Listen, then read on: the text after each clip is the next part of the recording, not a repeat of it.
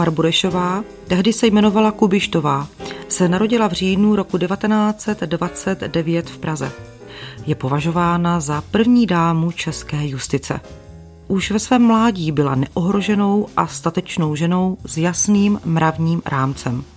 A tyto vlastnosti ji provázely i celým jejím dalším životem. Byla ženou s neopakovatelným úsměvem a dáma každým coulem. Po listopadu 1989 vstoupila do politiky.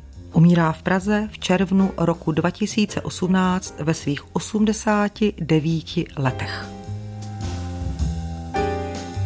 Dáša byla naprosto čistá bytost. Řekl o ní její manžel, doktor Radim Bureš, se kterým prožila v manželství 68 let.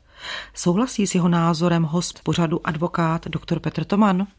Já jsem se s paní doktorkou Burešovou sešel osobně pouze několikrát, ale z toho, co jsem od ní slyšel, jak jsem se seznámil s jejím životním osudem a mluvil s dcerou, s tím úžasným manželem jejím a spolupracovníky, tak pochopitelně souhlasím.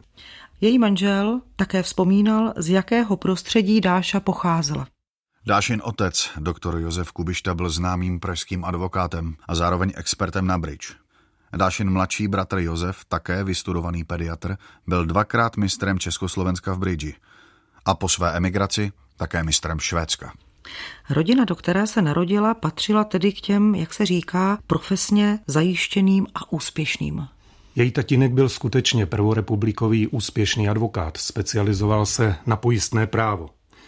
Dáša Burešová tehdy studovala gymnázium Jana Masaryka v Praze, maturovala v roce 1948 a ten samý rok se hlásila na právnickou fakultu. Zajímavé ovšem je, že otec ji studium rozmlouval. On si totiž pamatoval, jaká byla advokacie za první republiky a viděl, jak se mění po válce a předpokládal, co všechno se pravděpodobně stane po komunistickém puči v roce 1948. Ovšem, geny jsou geny a Dagmar Burešová nakonec práva skutečně vystudovala. Ale v době, kdy byla ještě studentkou, bylo jí 19 let a píše se právě rok 1948, se ocitáme v pražské kavárně Alfa.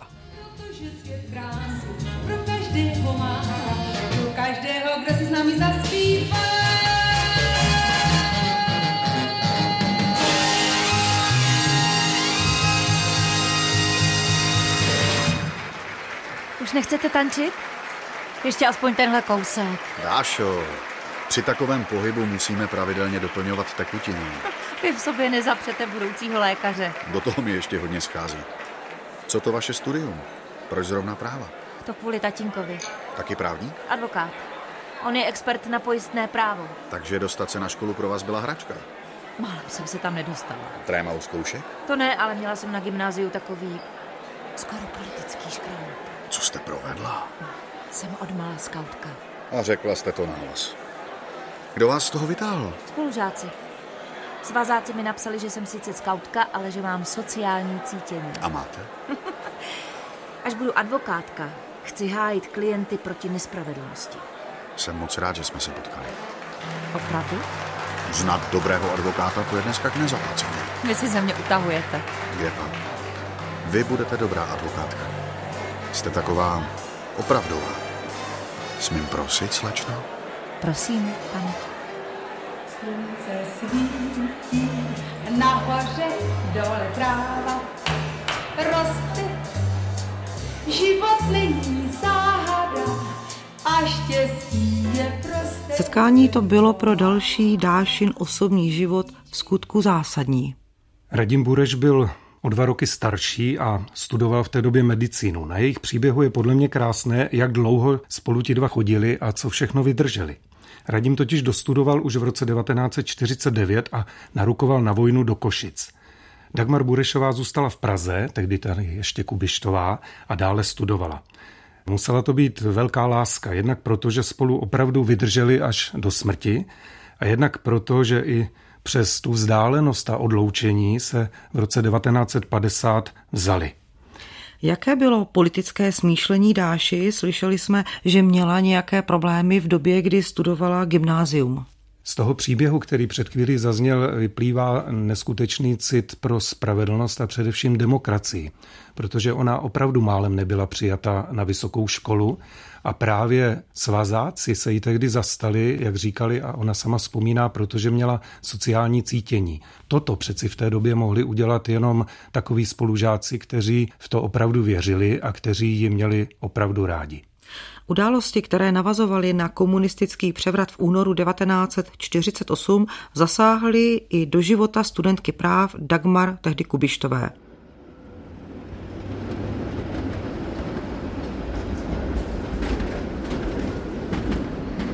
Petře.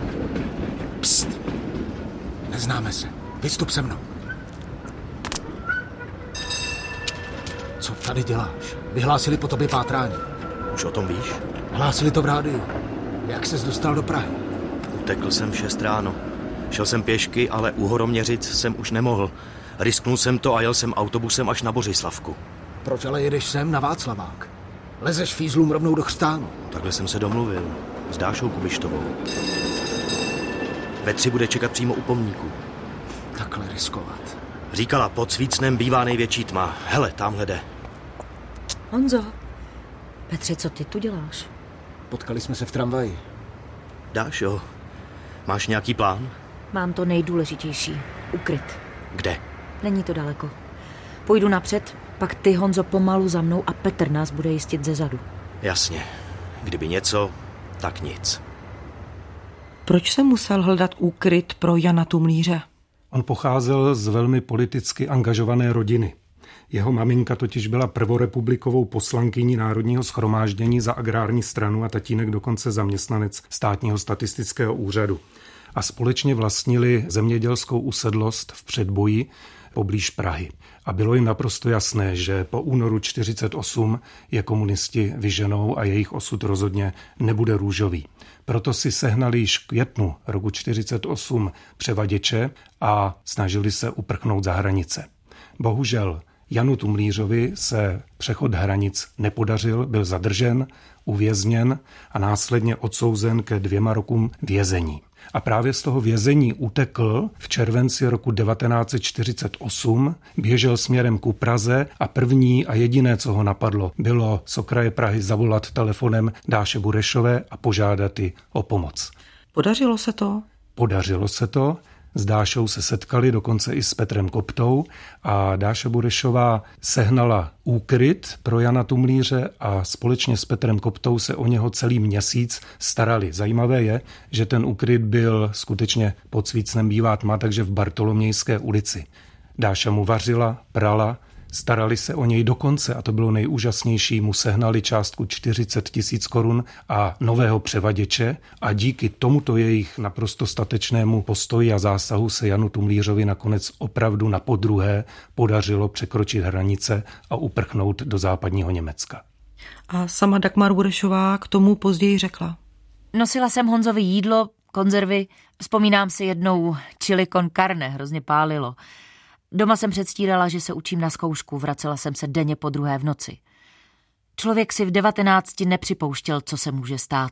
Za přechovávání člověka tehdy hrozilo až deset let. Ukrývat v roce 1949 v době stupňujícího se běsnění komunistické moci uprchlého vězně vyžadovalo hodně odvahy. Pokud by se to provalilo, hrozilo i několikaleté vězení, vyloučení z právnické fakulty, společenská dehonestace a česká advokacie by přišla o jednu ze svých nejzářivějších hvězd. V roce 1950 se lékař Radim Bureš dostudoval konečně medicínu, začal věnovat své profesi. Nejprve dostal umístěnku do slovenských Košic, pak se mu podařilo získat zaměstnání v Litoměřicích a tak mohl bydlet v Praze. A v témže roce byla také svatba. Z tehdy 21-leté studentky práv Dagmar Kubištové se stává paní Dagmar Burešová. O dva roky později, bylo to v roce 1952, pak i ona končí studium právnické fakulty.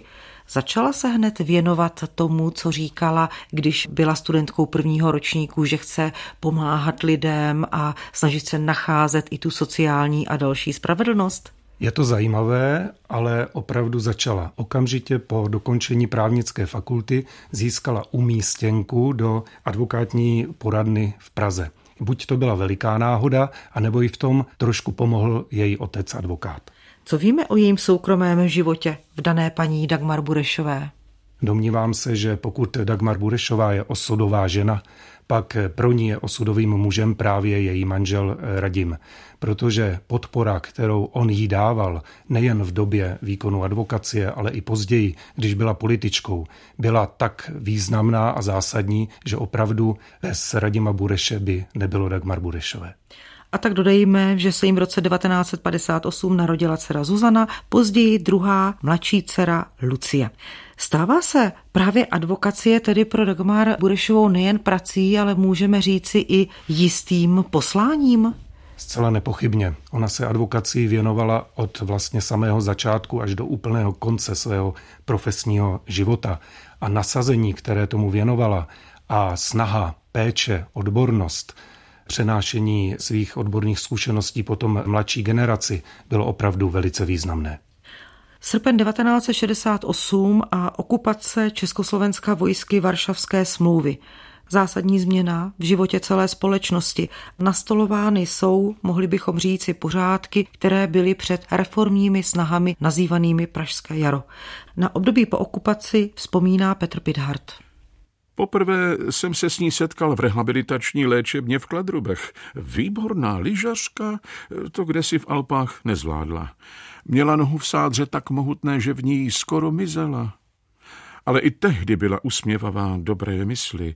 Vždy byla ochotna pustit se do jakéhokoliv sporu s jakoukoliv mocí, když byla na straně práva.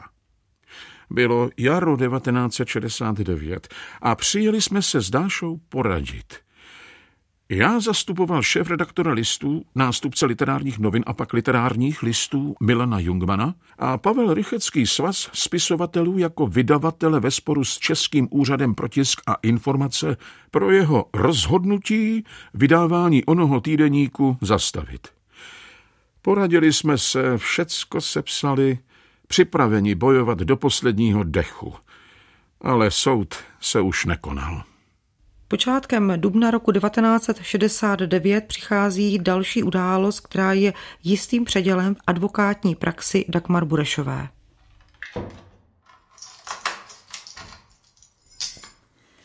Radíme, promiň, že jdu tak pozdě. Psst, stalo se něco? Největší případ v mé advokátní praxi. Důležitější už být nemůže. No tak mě nenapínej. Dneska za mnou přišla do kanceláře paní Libuše Palachová. Snad ne ta. Ano, ano, ta Palachová. Chce, abych ji právně zastupovala. O co jde konkrétně? Chce žalovat Viléma Nového za ty sprosté pomluvy. No jeho soudruh nový. A jeho báchorky o zneužitém studentovi. Víš, co to může znamenat? Nejen pro mě, ale i pro tebe, pro naši Zuzanu. Jo, tady nepůjde o právo, ale o politiku. Nemůžeš to vyhrát a oni se budou mstít. Přesto souhlasíš? Ani si nedovedu představit, že byste paní řekla ne. Pojď ke mně, děvče. Radíme, já mám strach. Strach překonáš.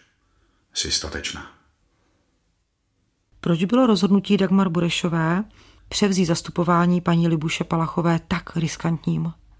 První polovina roku 1969 patřila k nejbouřlivějším a nejsložitějším obdobím novodobé historie.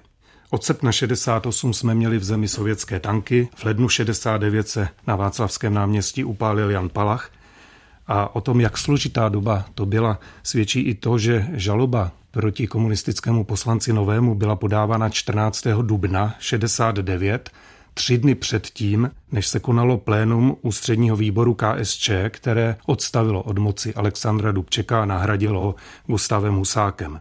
Pro všechny šlo o zlomovou dobu. Ve společnosti panoval strach, co bude dál, takže převzít právní zastoupení Libuše Palachové proti komunistickému poslanci a členovi ústředního výboru bylo velkým hrdinstvím a Dagmar Burešová ho přijala zcela vědomně. Jaká byla podstata žaloby paní Libuše Palachové na komunistického poslance Viléma Nového? Upálení Jana Palacha znamenalo pro nastupující komunistický režim velkou ránu. To znamená, KSČ se snažila jeho čin maximálně zlehčovat, spochybňovat pohnutky Jana Palacha. Jedním z nich byl právě komunistický poslanec Vilém Nový. Ten v lednu roku 69 a později to ještě zopakoval, začal prohlašovat, že Jan Palach zemřel omylem, že se měl polít podle jeho znalostí kapalinou, která sice hoří, ale nepálí, to znamená, že jeho cílem nebylo zemřít. Tvrdil, že mu někdo kapalinu úmyslně vyměnil. A tím, že zlehčoval čin Jana Palacha, tak pochopitelně se dotkl i matky Libuše Palachové a proto začal celý soud. Mezitím se změnila politická situace a soud, konkrétně paní soudkyně Jarmila Ortová, nakonec žalobu všech zamítla.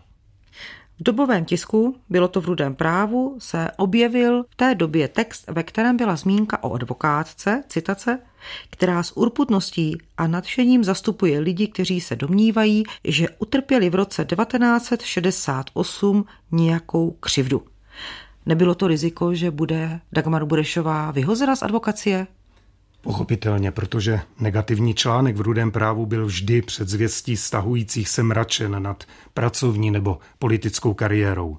Pomohl jí ovšem jeden z jejich bývalých klientů, kterého zastupovala rovněž v řízení o náhradu škody a ten napsal hned do Rudého práva, že se stejnou urputností zastupovala i jeho, člověka z proletářské rodiny a rázem efekt toho článku byl vynulován. Pravdou ovšem je, že komunistická moc v tu dobu neměla příliš zájem postihovat advokáty. Jednak se obávala negativních reakcí ze zahraničí, ale i nakonec samotné advokacie. Dagmar Burešová později na danou dobu vzpomínala. Strach je přirozený. Jen hlupák nemá nikdy strach, protože nemá dost fantazie, aby si dokázal představit, co vše se může stát. Ale strach je třeba umět překonávat. V jeho překonávání se rodí statečnost. Dovedeno do důsledků, kdo ho nechce překonávat, není statečný. Jen zbabělý.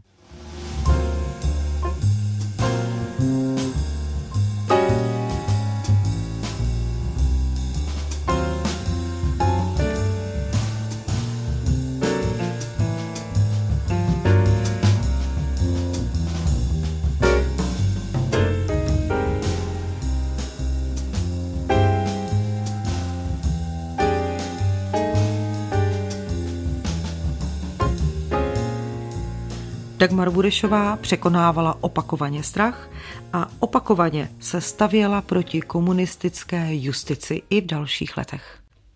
Ve své advokátní praxi zastupovala více jak stovku disidentů a nepřátel režimu. Z těch známějších jmenujeme například Ivana Metka, Milana Kunderu nebo Karla Kincla a další. Zpočátku, když byl režim slabší a soudy rozhodovaly alespoň trochu spravedlivě, tak své spory vyhrávala. Ale později už by je nedokázal vyhrát ani ten nejlepší advokát. Pravdou ovšem je, že zastupování klientů v té době nebylo jenom o právu jako takovém, ale o velké psychické podpoře. Zajímavé je, jak Dagmar Burešová vzpomínala právě na zastupování Libuše Palachové. Ona říkala sama, že jí nepomohla tolik ani jako advokátka, ale lidsky že k ní paní Palachová chodila domů a hodiny a hodiny jí musela Dagmar Burešová ubezpečovat o významu činu jejího syna Jana. Disidenty tenkrát houfně propouštěli z práce a protože to podnikoví a kádroví právníci neuměli, byly první výpovědi neplatné. Já vyhrávala spory a postižení za mnou začali chodit v zástupech. Také si tím vysloužila zájem státní bezpečnosti. Opakovaně byla předvolávána k výslechům do Bartolomějské ulice, byly odebrán cestovní pas, byla sledovaná, dokonce dcera nesměla studovat. Zajímavé je, že na ní v roce 1978 zavedla státní bezpečnost svazek podezřelé osoby a dala jí krycí název dáma. A v tom se státní bezpečnost nemýlila. Dagmar Burešová skutečně dámou s velkým D pro mě byla. 17. listopad roku 1989. Události spjaté se studentskou vzpomínkovou akcí a reakce komunistického režimu začaly měnit dějiny naší země. A stejně tak začaly také měnit životní a profesní příběh Dagmar Burešové, jak vzpomínal její manžel doktor Radim Bureš. 18. listopadu 1989 u nás doma zazvonil telefon. U aparátu byl Pavel Rychecký a ptal se mě, jestli si myslím, že by Dáša vstoupila do politiky a jestli bych proti tomu nic neměl. Řekl jsem mu jen samozřejmě, že ne. Já ti ji předám. A podal jsem jí sluchátko. 6. prosince 1989 se Dagmar Burešová stala první polistopadovou ministriní spravedlnosti, což pro českou justici byla ohromná výhra, ale nejen pro justici jako takovou, ale i pro českou advokaci, protože celý život v advokaci pracovala, rozuměla jí a byla to právě ona, která se velmi, velmi zasloužila o to, že se advokacie již v roce 1990 privatizovala a od 1. července 1990 se začala psát novodobá historie české advokacie podle zákona, který ona připravila. Po svém jmenování Dagmar Burešová řekla. Moje osobní krédo je vrátit justici její místo, které dříve ve společnosti měla. Slibuji, že na příště ministerstvo spravedlnosti nebude zasahovat do rozhodovací pravomoci soudů, že se naopak bude starat jenom o to, aby soudům byly vytvořeny takové podmínky, aby mohli dobře a podle zákona soudit. Povedlo se jí to? Nepochybně na dobu, kterou v této funkci strávila, se jí to povedlo. Dagmar Burešová se v roce 1990 také vrací ke své dětské a mládežnické zálibě, kterou byl scouting. Je dokonce zvolena starostkou Junáka. Pokračuje rovněž ve své politické dráze. V červnu roku 1990 byla na kandidátce občanského fóra a po svém zvolení se stala poslankyní České národní rady. Následně byla zvolena předsedkyní této komory parlamentu. A k tomu druhá vzpomínka Petra Pidharta – který byl v daném období premiérem české vlády. Nejvíc jsme toho spolu prožili jako český vrcholový pár při jednáních se slovenskou politickou reprezentací. Ona jako předsedkyně České národní rady, já jako předseda české vlády. Našimi partnery byli František Mikloško a zprvu Vladimír Mečiar a pak Jan Čarnogurský. Desítky, spíše stovky hodin jednání, přejíždění z jednoho konce Československa na druhý, nekonečná jednání plná zvratu. My dva si rozdělení státu nepřáli. Možná i proto jsme pak v červnu roku 1992 prohráli volby. Naše občanské hnutí zůstalo pod pěti procenty. Stát byl rozdělen bez referenda, už bez nás. Mohli bychom říci poměrně vzdálená historie, přesto když si představíme přelomové období, kdy se měla z komunistické justice stát eh, demokratická justice ve smyslu pilíře toho, co všechno se změnilo, byla právě tehdy role Dagmar Burešové, byť posléze se vrací i ve svém, řekněme, penzijním věku do světa advokacie, přelomovou? Naprosto nepochybně. Jednak tím, že byla půl roku ministriní spravedlnosti, nastoupila na komunistické ministerstvo a půl roku minimálně začínala s jeho přeměnou. A hlavně ona potom po volbách v roce 1990 se stala předsedkyní České národní rady a společně s Petrem Pidhartem řešili otázku rozdělení či nerozdělení Československa.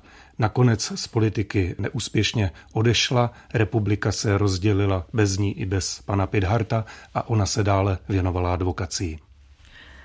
30. června roku 2018 Dagmar Burešová, bylo to v Praze v rodinném kruhu, ve svých 89 letech umírá. Proč ji můžeme zařadit mezi osudové ženy? Otázka pro hosta pořadu advokáta doktora Petra Tomana. K osudovým ženám řadím takové ženy, které změnily něčí osud a zanechali za sebou nesmazatelnou historickou stopu. A to se podle mě Dagmar Burešové povedlo několikrát. Jednak zachránila život Janu Tumlířovi v roce 1949. Stala se osudovou ženou pro všechny své klienty, pro které byla mnohdy jedinou spásou, jedinou nadějí a ostrůvkem spravedlnosti, byla nepochybně osudovou ženou pro Libuši Palachovou. A protože jsem advokát, tak musím připomenout, že byla osudovou ženou i pro českou advokací. Mohu říct, že nebýt Dagmar Burešové, tak pravděpodobně neznáme českou advokací tak, jak v tento okamžik existuje.